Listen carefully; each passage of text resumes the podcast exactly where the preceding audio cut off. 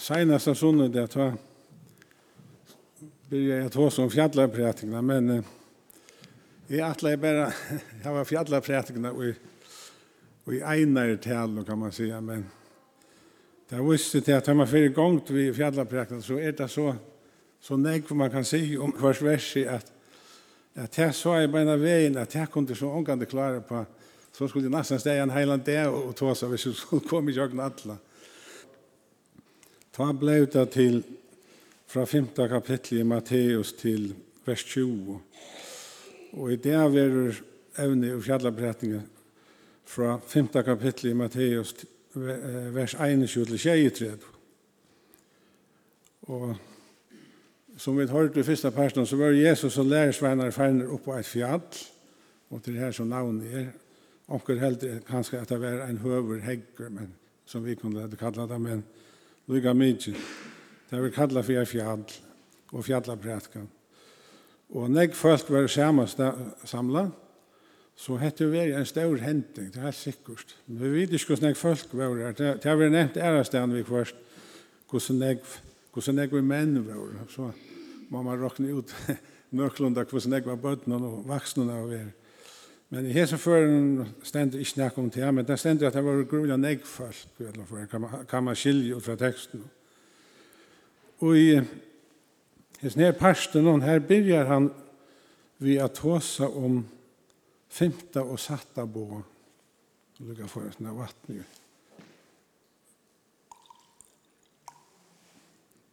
Og tei bæg i bøyene er og Nei, og de er fra vers 21 til 60.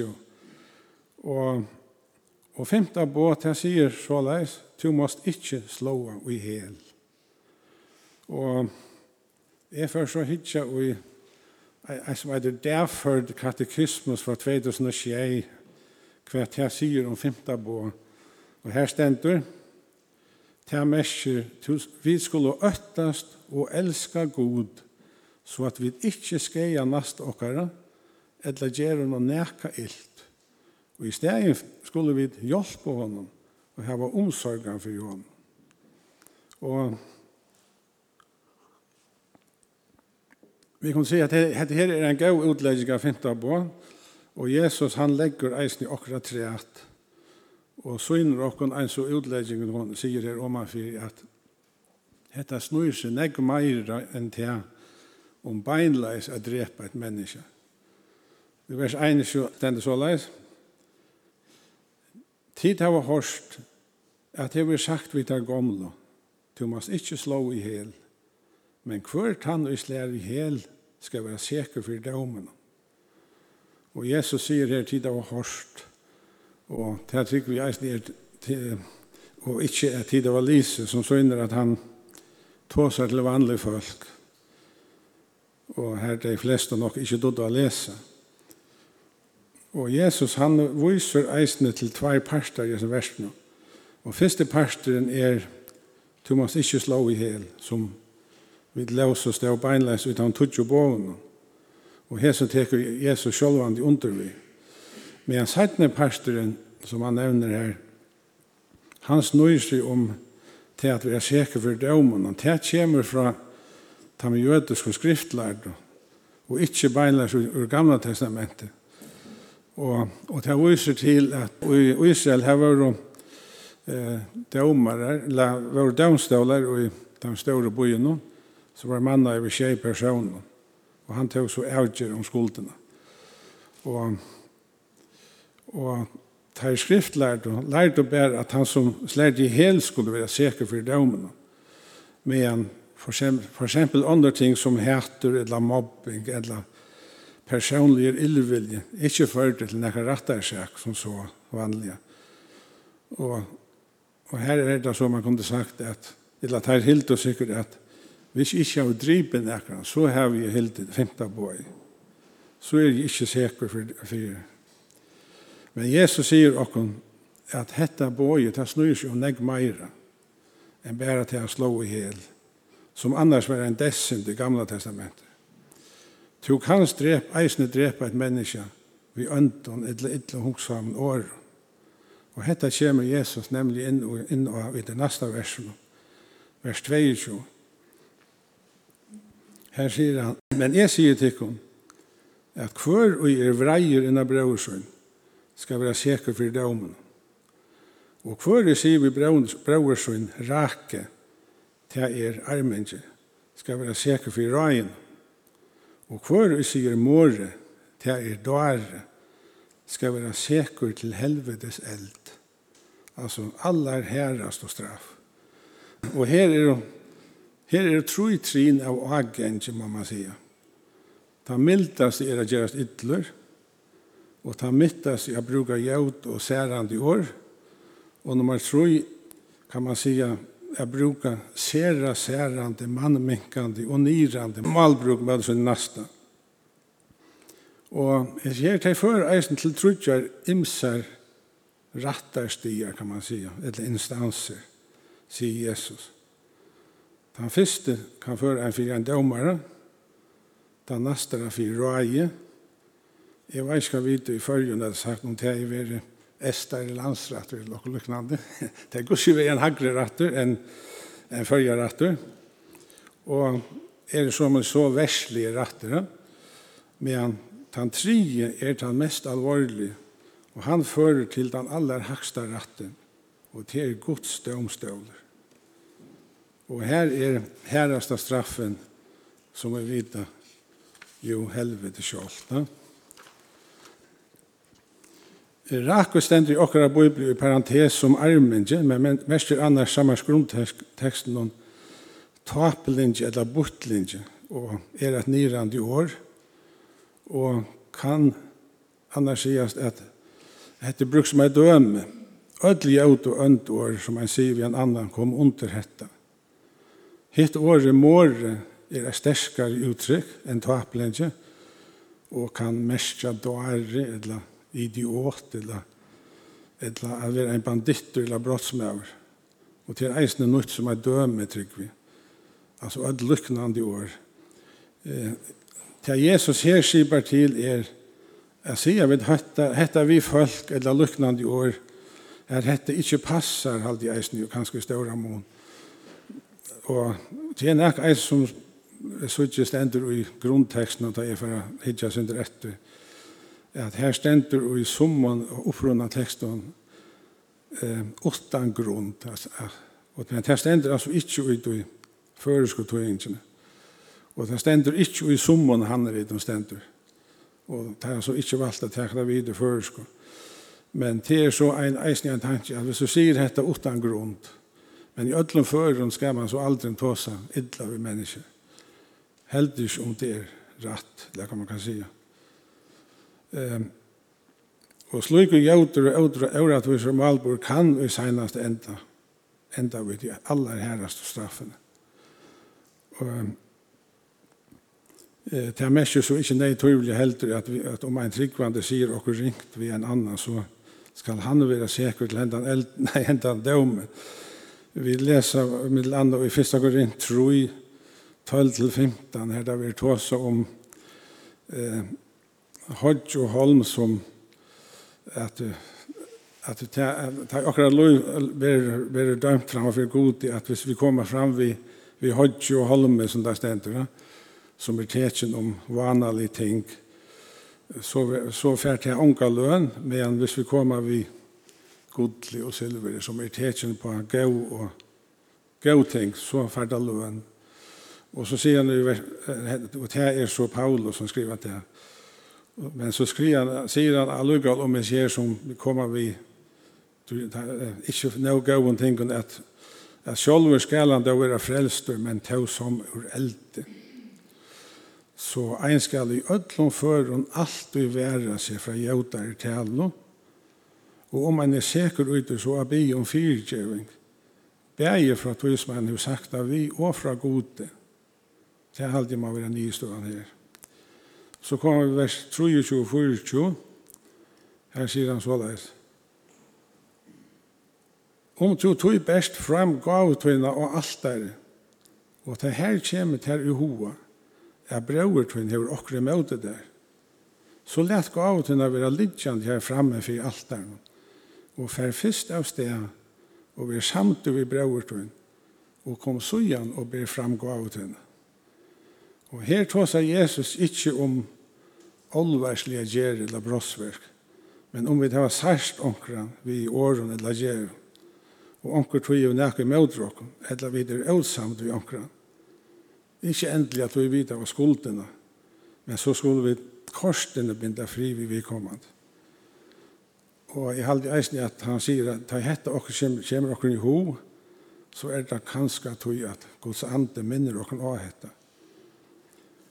Gava vi lät all gods ver inte godtid utan at vi liv i fri og nava vi okkar medmänniskor og inte ligger i strui og osam som man kan si inte høskar seg tryggvand människor Og tar vi säga at hon i slugen så för hon inte vill så märker det at at hon ikke vil veite okkur sikning eller tokka fra gode i hesen føren. Og Jesus sier, vi er samt vi brøver til. Eller vi kunne si, vi er samt vi tann til ligger i struje vi. Og til eisne best for en sjolva. og for okkar en er fri. Som vi sier i ferie var, fyrtje okkar sinter okkar såleis som vi fyrtje av heimann, som er møte okkar sinter. er at hvis vi fyrtje av ånder, så skal god fyrtje av okkar. Til at det er så innes av den første treiten. Og så sier han i vers 25 til 6 og 6, ja. Vi sjautur til sattes vi målstomantun, men to enn erst vi honom alai. Fyr til søk at ikkje målstomauren skal leta til til domarens, og domaren til sveinsens, og til vår kordur i fengahus. Og sannliga sier til her, ikke skal du slippe ut heiene før du har rinda til seinasta øyre Og her må man si at tøyen til semjas, hun er alt og inne jo. Vi er skjøter til satte seg henne. Hun er alt inne jo, hun er alltid beina veien. Til klokast ikke han hava fudgjendar. fudgen der kunne elva stauran skeia. Og som Jesus nevner er dømi om her, at her kunne vi ringast av føre gjøre vid enda i fengehuset. Men sjølvande, er det ikke alltid vi sjølve kanskje som er skiltene, skildene, Det er veldig eisne hver en sammenheng det ui. Men vi er alltid å røyne semjo. Og gjør vi til en ærlig og hjerte og til ikke edna, så kunne vi så sjåvand ikke lastes for det. Men for okkara part er vi alltid at binda fri og om til ber til. Det her halde jeg kan eisne viska til romverska lov, som var galtan i Israel, tog han at om en heie træte vi onkran, så kunde annar pastoren innkalla hin til dømaren, som er nevnt pretoreren her tog. Og der ikke kunde semja så innanmiddelen. Og ein heie møte. Men under samtos åren, så vil de alle være sleppt, og han kom så lengt. Og her kan heller ikke være talen om mennesker som Lamual som skulle enda for retten, no? Tog i gamla testamentet her stender at, at i målon kan man svärja. Så hette her er talan om vanlig mål medelfalsk ut av götterna kan man säga.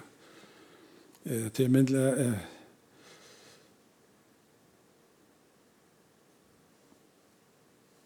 Ja.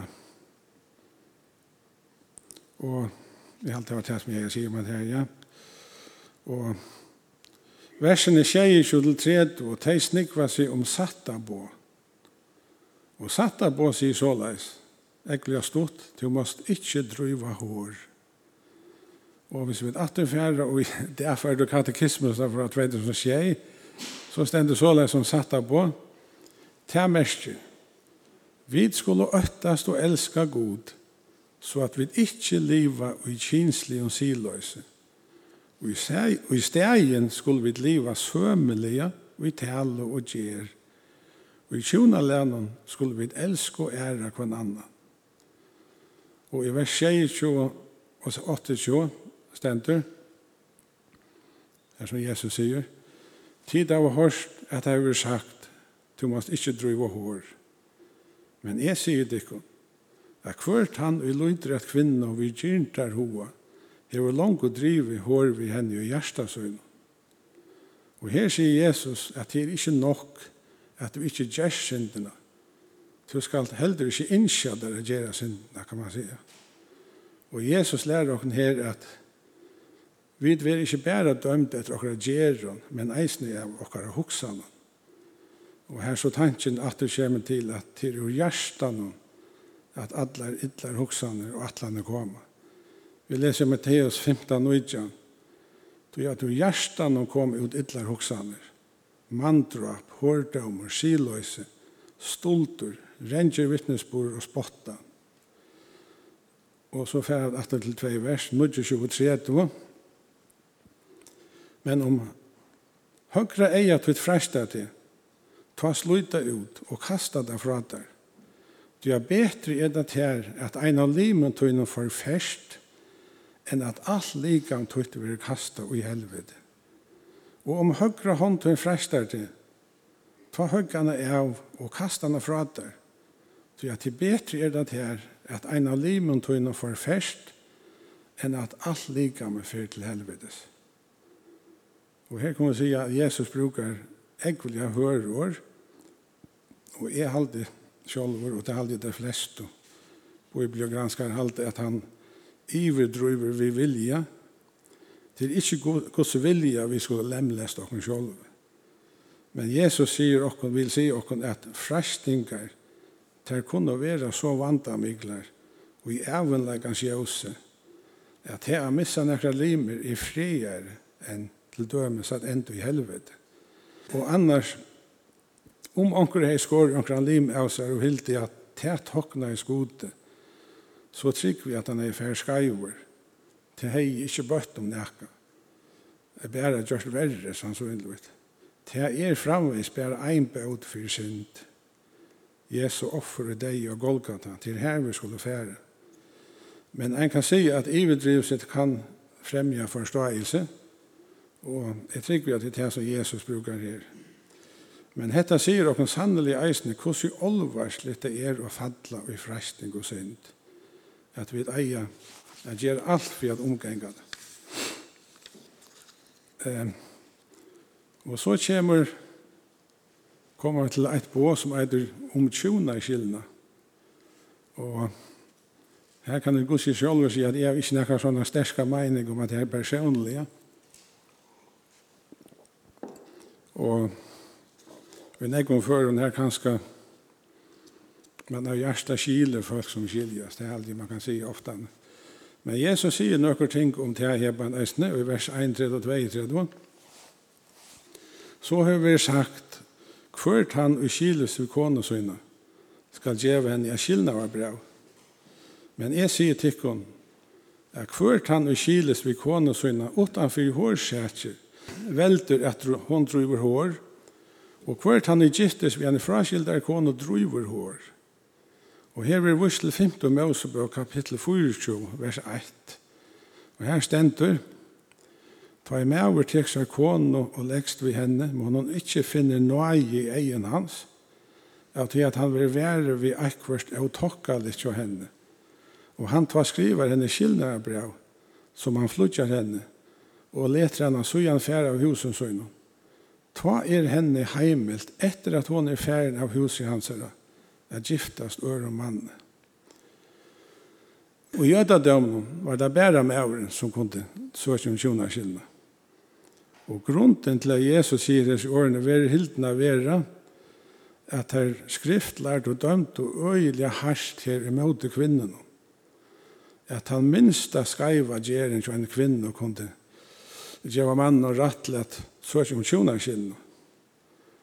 Og i det hadde vi kanskje kunnet sagt nesten laterligt at om morgenkaffe ikke var noe høyt eller døren bare en dag var brentur, så var det nok til at han kunne søke en tjonarskilda. Og så leis var det egentlig lett jo en mann jeg får tjonarskilda, om han ville det. Og jeg har lyst omstand i eisen at han stender så leis om at det er ene som prøver å gjøre, til å skrive et såljøvende brev, Læt hetta vera fra mer tutt Farvel farvelbrev og fralsesbrev, så du kan skifta det vi kvørjon du vilt. Det einaste mæveren skulle gjøre, var at djeven en hetta brevet saman med tveim og vittno. Så var det skilt. Og vi kunne godt huksa om snall det, at i verlagen er hetta sikkert elt til en vissan leislevna Og ein er hildi at dette var pur i trav i lauen. Og så, som var det ene som han gikk høgt opp i. Og Jesus han vil gjøre opp ved Jesu hoksan og sier at tjonar skillnader eier alls ikke affæra fram. Og om det så er, så skal det bæra være vegna hårsätjer. Og her kunne jeg si eisen at ta hår var oppi, og vi fylgje gamla testamentet, så hadde det ikke løy å giftas atter. Og i 3. Møskap kapitel 20, vers 20, sier at Mæver som driver hår vi kona til øremanne, driver hår vi kona nasta sønt, skal tøyna løyve, bæge hårkadleren og hårkona.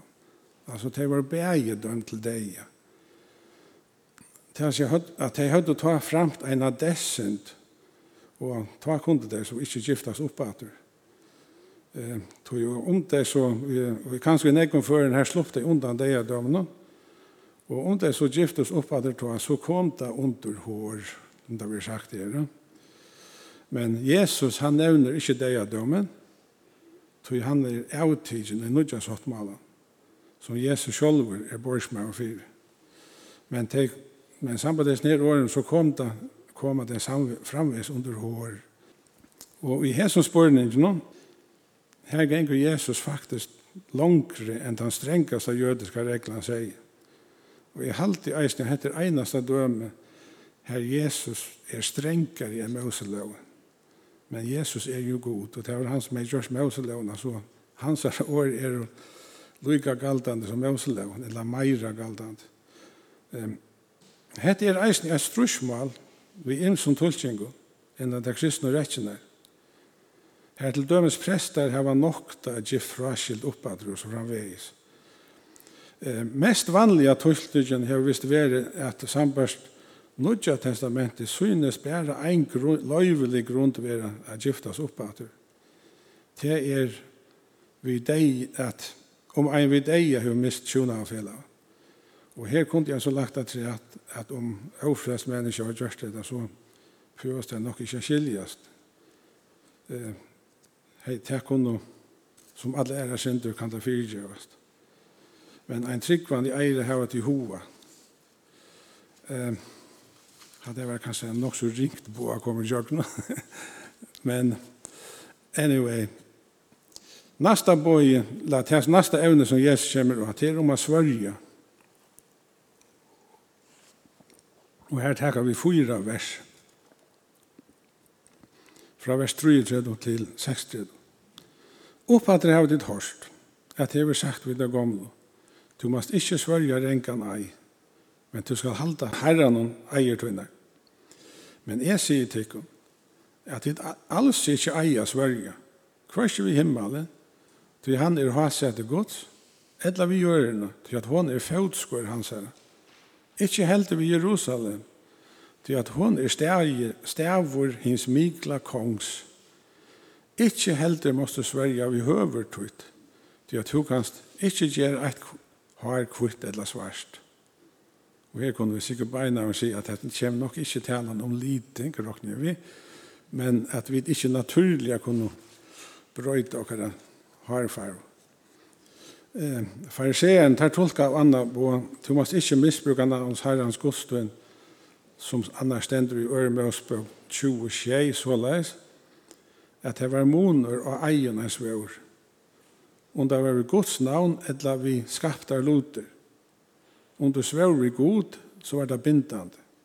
Men om du svår vi, svår nok anna, så kunde man sleppa undan. Jesus sier at dette er alt lyka, til at alt er Guds, til at han er herre i vår ødlån skaparversjonen. Og annars kan det, som jeg aldri nevnte, synder jo her næsten, at så er det nok ikke tale om å svørge i ratten. at i ratten var det sambandslovene krev i sommermålen at du skulle Sverige. Og enda Sverige vi god. Jeg døm er i Øre Øremøsbøk 22, 22, 11. Her stender om at hvis jeg med over hei passet gjør for et annan, og han er mistet vekk eller det døye, så var det nok hvis jeg er en svår vi god at han ikke har gjort denne kramma inn, så slapp han. Og vers 6, tror du? Men tala tykkaren skal være ja, ja, nei, nei. Men det vi kommer ut om dette er av til ytla. Og Jakob nevner dette i Sunne brev i kapittel 5-12. Men fram om alt brøver mine svørger ikke. Kvars vi himmelen eller vi gjør det ei heldur nekran annan ei. Men ja tykker av er ja, og nei tykker av er nei, for at det ikke skulle falle under døm. Og her kommer Jesus helst inn at her halte er at røyna borste for å klare verlegan, eller sannlegan, heldur enn av vikengene som det er. Altså et ja eller et nei, og ikke utan omtås. Det er jo ærlig og av det idlet. Og dette her var faktisk det som jeg nådde i det. Og må god var signa sitt år, og gjør hun jævst til å skilje det sånn som han vil. I Jesu navn. Amen.